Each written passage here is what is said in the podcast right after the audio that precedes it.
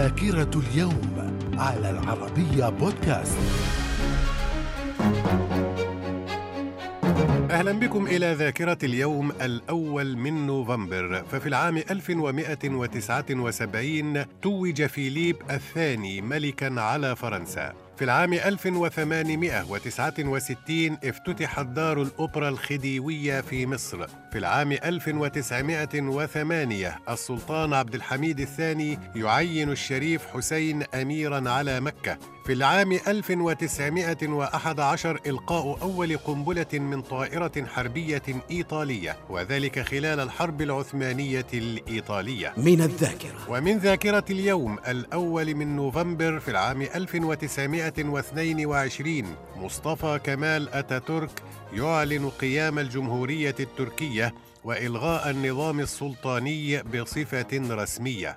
في العام 1945 تأسيس منظمة الأمم المتحدة للتربية والعلوم والثقافة اليونسكو. في العام 1954 اندلاع الثورة الجزائرية والتي أدت لاستقلال الجزائر. في العام 1962 الاتحاد السوفيتي يطلق أول مركبة فضائية إلى المريخ. من الذاكرة. ومن ذاكرة اليوم الأول من نوفمبر في العام 1990 جامعة الدول العربية تبدأ العمل رسميا من القاهرة بعد عودتها إليها من مقرها المؤقت في تونس. في العام 1993 بدء تطبيق معاهدة ماستريخت بين عدد من دول أوروبا والتي كانت النواة التأسيسية للاتحاد الأوروبي. في العام 2010 الإعلان عن فوز مرشحة حزب العمال البرازيلي الحاكم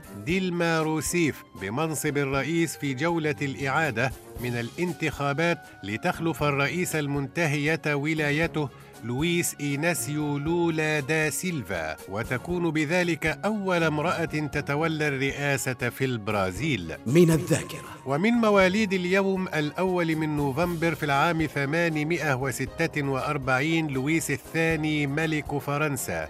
في العام 1636 نيكولا بوالو كاتب وشاعر فرنسي. في العام 1921 ولد وديع الصافي المغني اللبناني.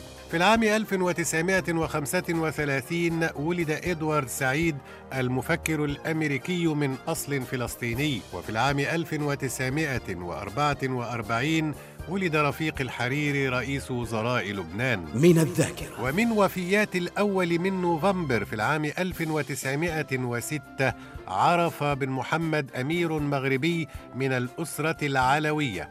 وفي العام 1985 توفي فؤاد حداد الشاعر المصري. في العام 2007 توفي بول تيبيتس الطيار الأمريكي الذي قام بإلقاء القنبلة الذرية على هيروشيما. في العام 2013 توفي حكيم الله محسود زعيم حركة طالبان باكستان. من الذاكرة. ويحتفل في مثل هذا اليوم الأول من نوفمبر من كل عام باليوم الوطني في الجزائر واليوم العالمي للنباتيين. من الذاكرة. إلى اللقاء.